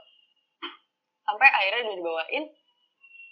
Gue yang ngebukain pintu nyokap gue mungkin nyokap gue udah ngeliat muka gue pucet banget gitu kan kok nih anak pucet banget. Akhirnya nyokap gue nanya lu kenapa? Enggak nggak apa-apa. Yakin lu nggak kenapa-napa? Muka lu pucet banget soalnya. Iya nggak apa-apa. Padahal padahal kan sebelumnya gue emang lagi pendarahan banyak gitu kan. Hmm. uh, karena ya itu keguguran itu. Enggak nggak apa-apa kok. Kayak nggak apa-apa. Akhirnya gue masuk kamar terus gue cuma yang kayak rebahan sampai sampai dua hari tiga hari itu gue gak mau keluar kamar gitu. Gue gue keluar kamar kalau cuma buat ngambil minum sama makan aja. Tapi langsung ke kamar lagi dan gak ada interaksi sama nyokap gue. Terus di situ waktu itu pas banget kejadiannya juga nyokap gue mau berangkat ke Medan karena ada urusan uh, keluarga gitu. Hmm. akhirnya gue ditinggalin sendiri lagi. Ditinggalin sendiri lagi dan kejadian lah mulai di situ yang aneh yang aneh kejadian sial-sial terus gue yang namanya gue nggak ngerti ya. Gue lagi di jalan naik motor terus tiba-tiba kejambret. Untung surat-surat gue apa semua segala macam gak keambil karena tasnya putus. Hmm. dan yang jambretnya itu cuman megang talinya aja. Terus di situ gue juga jatuh gue dari motor karena kan gue bawa motor sendiri. Hmm. Dia pas di jambret itu gue bawa motor sendiri ya udah di situ luka-luka. Dan biasanya kalau gue jatuh dari motor gue nggak pernah sakit demam gitu atau gimana gimana nya tapi dari situ gue mulai sakit demam lah. Yang tiga hari gue sakit demam apa semua segala macam coba gue sampai datang ke Bogor untuk nginep juga gitu karena di di rumah juga nggak ada orang kan. Nah itu di situ juga gue masih pendarahan yang gue masih masa nifas lah bisa dibilang. Menurut Kiki, apa yang menyebabkan eh, Kiki jadi kayak sering apes waktu itu?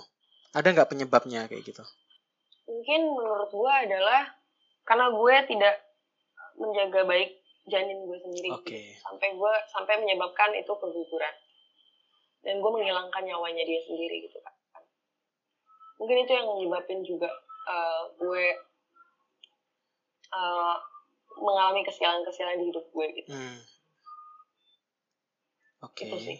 Setelah itu eh, orang tua ngerti nggak kalau Kiki sempat keguguran kayak gitu? Akhirnya tahu tahu tahu akhirnya. tahu akhirnya tahu Terus karena tanggapan dari mereka yang- gimana?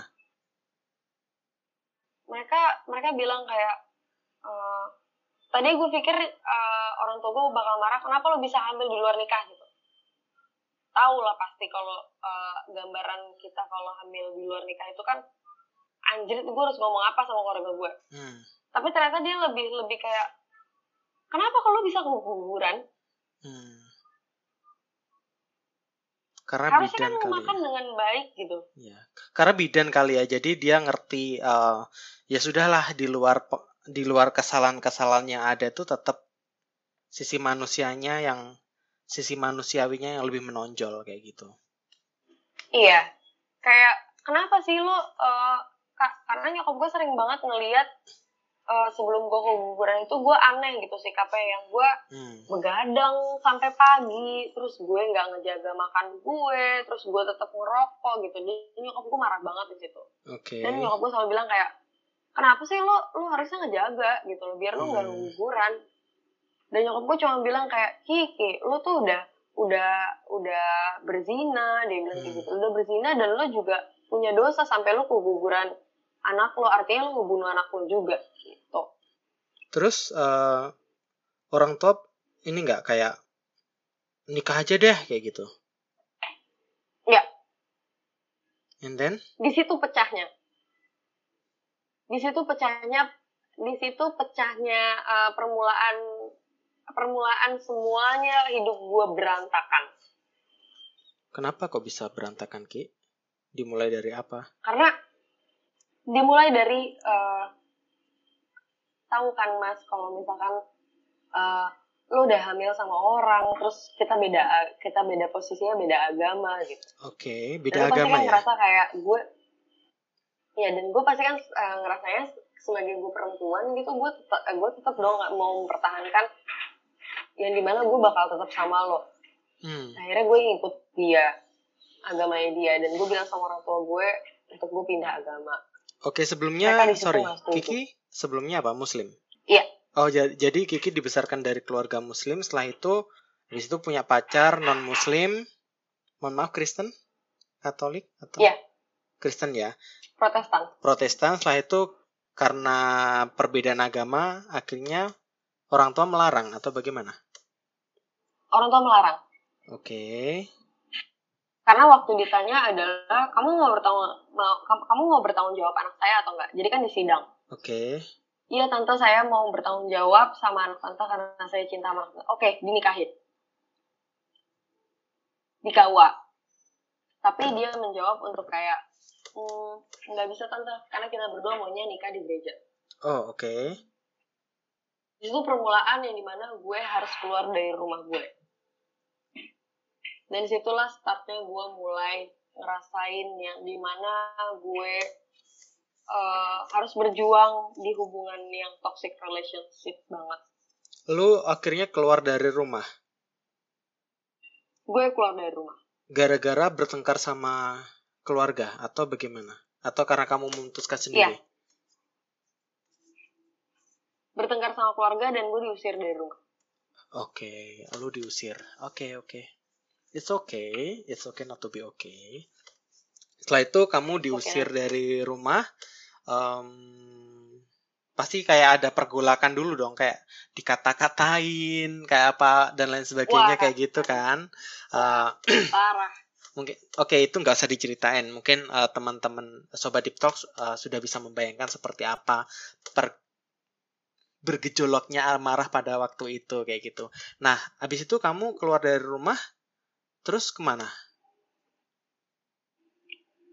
keluar dari rumah gue nggak tahu mau ke mana sama dia kita cuma modal motor sama duit beberapa puluh ribu dan kita starting untuk yang kayak tidur ngemper jalan gitu kayak Oh ya?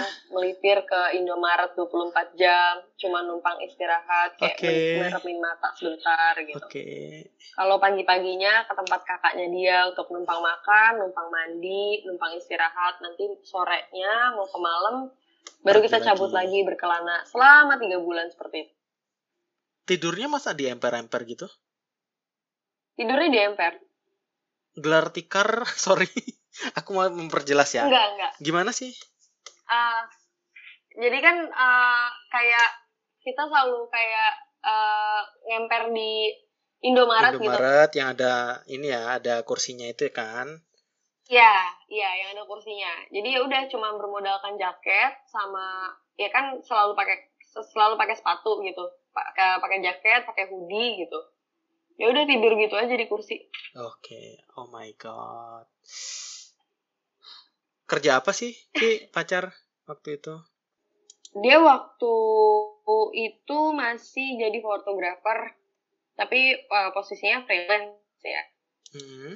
Yang itu juga duitnya juga nggak apa nggak ketahuan gitu loh nggak ketahuan ada atau enggaknya dan nggak nggak besar juga untuk seorang freelance gitu kan Oke, freelance apalagi photographer. cuma by project gitu. Oke, by freelance photographer by project lagi. Pasti kan Ya. pemasukan tidak tetap kan ya? Ya gitu. Iya, dari situ posisinya juga gue belum kerja. Jadi waktu itu Kiki udah nggak kerja, belum kerja kayak gitu kan? Oke. Belum kerja. Hmm. Karena yang masa transisi pacaran sama dia itu kan emang gue berhenti kerja malam dan gue dan gue di situ masih belum kerja juga. Paling cuman kayak ada part-time part-time yang waktu gue bilang eh, di, hotel, gitu aja. kayak gitu. Oke, setelah itu tiga bulan berkelana di jalanan di Indomaret dari satu Indomaret ke Indomaret lainnya. Kapan. Kiki mulai dapat kerja, terus cowok juga kerja kayak gitu? Eh, itu posisinya waktu itu eh dia lagi ada project sama temennya dan temennya bilang kayak nggak bisa nih bet lo nggak bisa yang namanya gue ngubungin lo susah ke mana pun gitu akhirnya eh waktu itu kosan gue dibayarin sama temennya Hmm. Dibayarin sama temennya sekaligus bosnya dia gitu kan jadi dibayarin untuk sebulan pertama dibayarin dan dia kerja lah di situ Akhirnya kalian By berdua project bisa ngekos yang- bareng. iya Oke, ngekos bareng tinggal oke, bareng tinggal bareng.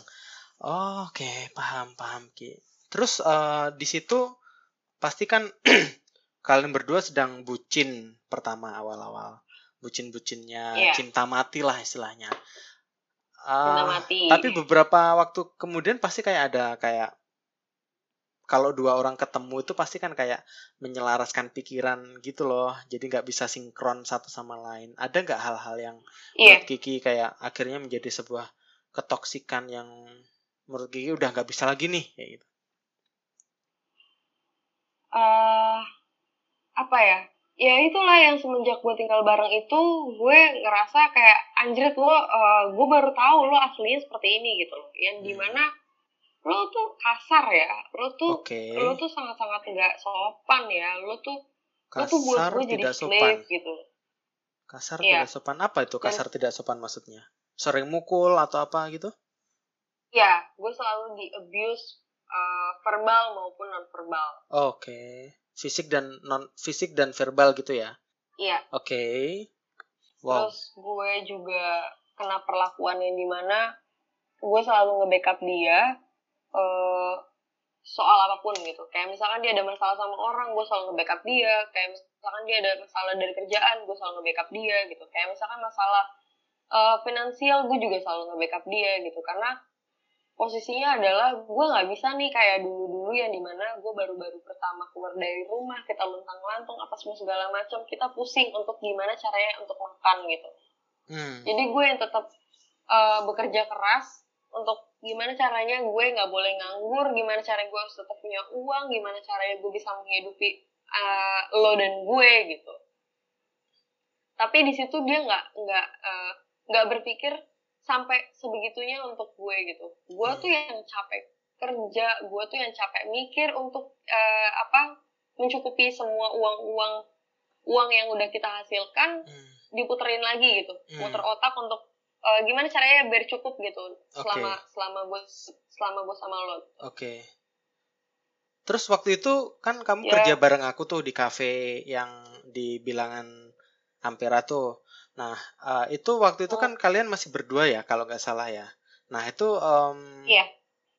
Itu ngekos bareng kan ya? Iya, ngekos bareng. Oke. Okay. Dan akhirnya turning pointnya pas kamu kayak udah nggak bisa lagi nih, itu kapan? Berapa bulan yang lalu? Atau satu tahun yang uh, lalu? Enggak, enggak. Itu kalau nggak salah zaman zamannya PSBB. Oke, okay, PSBB, memang PSBB. PSBB awal. terus gue uh, abis itu nggak ada kerjaan. Oke. Okay. uh, dan dia juga nggak ada kerjaan. Kita nggak bisa bayar uh, tempat tinggal. Hmm. Terus akhirnya gue memutuskan untuk kayak, oke, okay, gue uh, gimana ya caranya untuk uh, tetap bisa hidup di Jakarta ini gitu. Akhirnya dia memutuskan untuk kayak, dulu balik aja ke rumah lu, gue balik ke rumah gue Oke. Okay. Dan situ kita pindahan, terus dia bantuin gue juga pindahan, yang dia bantuin juga gue uh, balik ke rumah, ngomong sama orang tua gue juga untuk tetap uh, untuk tinggal dulu di Jakarta, tinggal di Bogor. Dan di situ ya udah mulailah tuh di situ ada drama-drama yang kayak uh, dia sempat tinggal juga dulu dulu di Bogor sebulan dua bulan lah kalau nggak salah karena kan masa masa masa psbb itu kan susah banget ya yeah. untuk lo keluar dari untuk move daerah gitu ke Jakarta one point to yeah. other point kayak gitu ya terus terus iya akhirnya di situ gue uh, mulai tahu tuh dia kayak udah nggak nggak serius sama gue terus hmm. juga kan yang dia namanya lo tinggal bareng di rumah gue sendiri pasti kan nggak enak ya untuk hmm. diomongin sama orang tua hmm. kayak lo tuh sebenarnya mau nikah atau enggak gitu enggak, karena okay. hubungan gue sama dia udah berjalan lama banget gitu. Dan nggak ada nggak ada pembuktian apa pun gitu kan dari dia juga. Akhirnya gue bilang kayak lu uh, lu mau nikah atau enggak kalau lu mau nikah nikahin gue gitu kan. Dan dan kayaknya untuk soal uh, masalah agama ini kan di keluarga gue udah sangat banget. Kalau hmm. misalkan lo nikah secara secara Kristen ya nggak bisa. bisa. tinggal di sini lo hmm. harus keluar dari rumah. Hmm tapi kan posisinya di sini juga finansial mau gimana gitu hmm, hmm. otomatik lo juga harus uh, apa ya lebih kayak kalau gue berpikir adalah ya udah deh kita nih kau aja dulu yang penting masih yang penting uh, nyelamatin diri kita yeah. kita mau tinggal di mana gitu ya yeah, oke okay. gue nyaranin seperti itu tapi dia nggak mau dan dia nggak serius kalau emang bener-bener dia mau nikahin gue okay. akhirnya di situ gue uh, berantem lagi lah sama keluarga gue yang kayak uh, lu gimana sih? Lu kok bawa cowok? Lu belum ada ikatan pernikahan tapi lu tinggal bareng di rumah kita lagi. Dan dan beda agama gitu. Dan hmm. orang keluarga gue marah banget di situ. Akhirnya ya udahlah di situ gue pindah ke Jakarta gue nekat gue jual motor gue. Hmm. dan ya udah. Di situ dia mulai mulai yang bertingkah aneh dia udah nggak pernah hubungin gue lagi. Kan dia balik ke rumah orang tuanya kan. Hmm. dia udah nggak dia nggak pernah hubungin gue lagi dia jarang banget. Terus gue yang ngerasa kayak ya lu serius gak sih kalau lu masih mau sama gue ya lu kasih kabar ke gue gitu. Karena tiap kali gue butuh dia dia selalu nggak ada. Dia selalu yang kayak marah-marah sama gue lu ngapain sih? Lu lu udahlah hidup lo uh, lu urusin sendiri dulu aja gitu. Oke. karena gue butuh proses healing juga. Ah, lu juga butuh proses healing juga.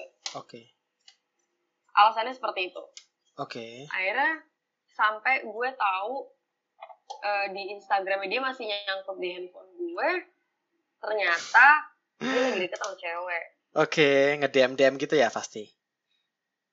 iya Iya, dan oke, akhirnya oke. di situ oke gue memutuskan untuk kayak oke stop sampai di sini gue udah cukup capek banget Hmm. empat tahun jalan ke lima tahun gue sama lo gue perjuangin lo gue tetap perjuangin per- hubungan ini dan gak ada hasilnya oke gue berhenti sampai di sini Akhirnya lu cut, putus.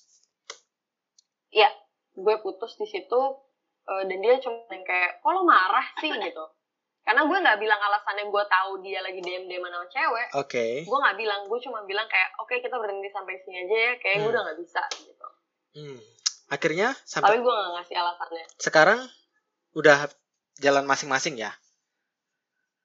Sudah jalan masing-masing. Oke. Gue gue juga nggak tahu dia kayak gimana, karena gue nggak coba untuk cek-cek eh, apa ya, cek-cek masa lalu gitu. Karena menurut gue, ngapain gue harus ngecekin? Gue nggak mau gitu. Oke, siap. siap. daripada gue nggak bisa move on mendingan Hmm. gue yang kayak ya udahlah gue nggak peduli gitu Hmm, Oke, Ki. gitu sih Terus kan ini Kiki kerja di tempat baru nih. Nah, itu udah Hmm. jalan berapa bulan sih, Ki?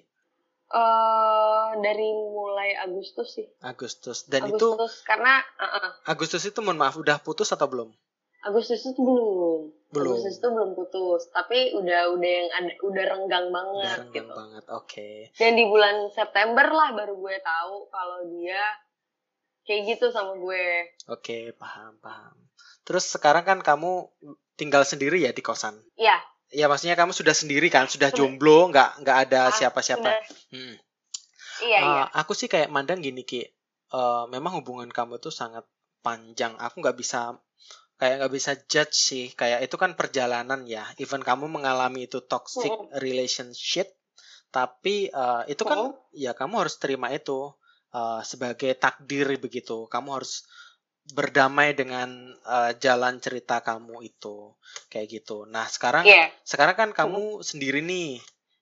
Eh, menurut aku Mm-mm. sih kamu coba deh kamu sendirian dulu gitu. Jadi kamu bisa kayak kontemplasi sendiri dengan diri kamu berbicara sebenarnya kamu itu pengen jadi apa ke depannya dan kamu kayak harus merencanakan ke depannya akan seperti apa kayak gitu. Aku yakin sih kayak barista itu ke depannya prospeknya akan bagus banget kayak gitu. Apalagi eh, semakin lama itu semakin banyak kafe menjamur di mana-mana dan itu kayak bakalan eh, bisa menjadi bisa kayak dua sisi sih kayak bisa sisi negatif sisi positif kayak gitu. Tapi kalau kamu terus improve dengan skill kamu, aku Hmm. yakin sih kayak kamu bakalan bisa terus naik sih karir kamu. Gak apa-apa sih sendirian gak apa-apa, sendiri dulu gak apa-apa. Nanti kalau sudah sembuh dari luka Iya. batin itu pasti kamu ngerti kayak gitu bahwa ya itu adalah proses gitu. iya iya Nah, tapi emang emang emang emang emang dari awal uh, memutuskan untuk kayak putus itu emang gue emang gue berpikir kayak gue gak mau pacaran dulu gue Hmm. mau proses healing Hmm. dulu gue mau perbaiki karir gue dulu gue mau perbaiki uh, inner circle gue gitu dan dan sekarang lagi proses yang di mana gue meningkat untuk diri gue sendiri Betul, gue dapat betul banget. Setuju. orang setuju jadi gue setuju. ngerasa kayak oke gue kayaknya cocok cocok untuk single dulu deh Hmm. mulai hubungan gue nggak mau deh karena Hmm. di mana di mana lo eh, di mana posisinya lo udah eh, lagi proses untuk eh, baik untuk diri lo terus tiba-tiba lo menjalin hubungan menjalin hubungan eh, sama orang lain itu kan kepecah kan Hmm, pikiran lo hmm, pasti hmm. dan lo nggak profesional kan ya Hmm. setiap orang pasti kan eh, ada ada sisi sisi apa sisi baik sisi baik dalam eh, profesinya ada sisi buruknya juga gitu jadi gue Hmm. nggak mau sampai itu kecampur aduk masalah percintaan Hmm. terus dibawa ke kerjaan itu gue nggak mau banget Hmm. jadi gue lebih baik oke deh kayaknya ntar dulu deh Aku yakin sih Kiki Gitu sih. bisa sih karena Kiki termasuk orang yang personalitinya itu strong banget. Eh Iya, mungkin Kiki perlu sendiri aja dulu. Maksudnya Iya. kamu perlu sendiri uh, di mana kamu nanti bakalan kayak lebih cinta sama diri kamu gitu loh Ki self love namanya Iya. ya kan kamu sudah belajar self love kan Iya. sekarang kayak gitu Nah. Oke Ki uh, mungkin ini itu menjadi lagi belajar banget sih. keren banget sih cerita kamu tuh kayak anjir pernah jadi di dunia gelap pernah hamil keguguran uh, terus dapat perlakuan iya. abusive kayak gitu dan iya iya. sampai akhirnya kamu tahu dia selingkuh kayak gitu loh. Dan itu kayak anjir. Gue kalau jadi lu paling kayak kalau jadi kamu aku paling kayak udah stres banget gitu kayak kayak eh kayak stres beberapa hari sih. Stres beberapa lama sih tapi tapi untuk kayak eh, berkelanjutannya enggak. Karena Enggak ya, karena gue oke. ngerasa eh, yang tadinya selama empat tahun selama ngejalanin sama dia tuh gue kayak di di di ada di lilitan tali yang sangat sangat kenceng gitu. Tapi setelah lepas dari itu tuh bener-bener kayak wah gila lega banget gue gitu Oke, oke, it's okay. Dan aku harap sih kayak Kiki mulai belajar kayak menghilangkan dendam, mengeliminasi hal-hal negatif yang selalu ada di pikiran. Itu semoga bisa kayak segera lepas kayak gitu. Um, Iya, aku iya, iya. juga nyaranin misalkan ada rezeki lebih, kalau bisa sih ke depannya ambil kuliah lagi Ki. Dan Iya, iya. uh, ke psikolog itu juga penting. Tapi kalau misalkan kamu bisa over, Mm-mm. overcome masalah kamu sendiri, it's okay kayak gitu. Kalau boleh tahu umur berapa sekarang? Iya iya dua lima 25. Oke. Terus eh, ini deh pertanyaan terakhir karena kan kita udah ngobrol banyak banget dan ini sudah hampir satu setengah jam. Em, pertanyaan terakhir aku itu filosofi apa sih yang Kiki punya selama ini bisa menjadi manusia sekuat ini? eh Ada nggak mungkin value ya? atau prinsip yang Kiki selalu pegang. Misalkan kalau aku aku sendiri personally aku orangnya selalu memegang kejujuran kayak gitu. Aku nggak bisa kayak orangnya nggak bisa bohong karena kalau bohong tuh muka aku udah ketahuan banget kalau aku bohong kayak gitu. Makanya aku selalu ngomong apa adanya kayak gitu. kalau Kiki sendiri apa? Eh, kalau Kiki sendiri eh, kenapa bisa seperti ini adalah pertama Kiki ngerasa dari dari Kiki kecil Kiki sendiri. Jadi kalau Kiki nggak taking care sendiri, Kiki mau mau mau mau siapa lagi yang bisa handle Kiki? Hmm. Jadi kamu Kalau untuk Hmm. eh, masa lalu punya teman, oke. lu punya orang itu eh, apa ya sebagai untuk eh, apa ya untuk kayak oke lu lu lu nggak sendiri gitu tapi untuk eh, menyelesaikan masalah masalah masalah masalah yang kita alami itu kan tetap lu balik lagi ke ke gue gitu ke diri gimana yang sendiri. jalaninnya gitu iya Artinya apa pun Itu aja semua keputusan tetap ada di diri kita ya. Iya. Oke. tetap ada di diri kita Oke, eh, ada nggak pesan kepada audiens Sobat Deep Talk? Pesan apa gitu? Eh, pesannya adalah eh, tetap selalu bersyukur Hmm, bersyukur. tetap menjalani penting itu. hid- eh, apa pun yang kita jalani hidup kita tetap selalu bersyukur eh, tetap terus belajar jangan pernah kapok. Mau lu punya masa lalu seberat apa pun tetap lu harus bersyukur dari kesalahan-kesalahan lo karena di situ lu akan belajar karena di situ lu akan naik kelas. Hmm, untuk yang namanya lu harus bisa terima masa lalu lu sendiri. Gitu. Mantap jiwa. itu sih. Aku jadi gini loh Ki, nggak nyangka aja Kiki itu punya pola pikir seperti itu gitu. Karena kalau dulu aku lihat sih kan kamu orangnya agak cuek ya. Jadi aku nggak ngerti ternyata kamu itu bisa juga diajak ngomong secara mendalam kayak gini dan enak kayak gitu. Dan terima kasih banyak atas waktunya sudah mampir di Deep Talk terima Indonesia. kasih. Semoga ke depannya Iya. Kiki em, semakin sukses, semakin Amin. cantik, semakin menyayangi Amin. diri sendiri. Kembali Amin. bisa merajut hubungan baik dengan keluarga lagi dan Amin. selalu menebar kebaikan ke semua orang dan sukses terus untuk karir ke depannya sebagai barista yang profesional. Bisa go internasional juga. Amin, amin, amin. Amin. Amin. amin. Itu sih Ki yang dari aku um, dan uh, terima kasih banyak untuk Kiki yang sudah menyempatkan ngobrol di Deep Talk Indonesia untuk Sobat Deep ya, Talk. Terima kasih banget Kiki sudah diberi kesempatan juga. Siap. Untuk Sobat Deep Talk semuanya, um, tolong untuk cerita Kiki tadi uh, jangan dijudge ya karena kan kita di sini mau share uh, another perspektif atau perspektif lain dari kehidupan orang kayak gitu. Karena perjalanan setiap orang tuh pasti beda-beda, struggle-nya juga beda-beda kayak gitu. Itulah menyebabkan iya. adanya kayak deviasi atau perbedaan antara satu sama lainnya dan kita harus saling menghargai itu yang paling penting. Iya. Terima kasih Ki sudah gabung. Selamat malam. Sampai jumpa lagi di lain waktu. Selamat malam. Dadah. Terima kasih, Iya.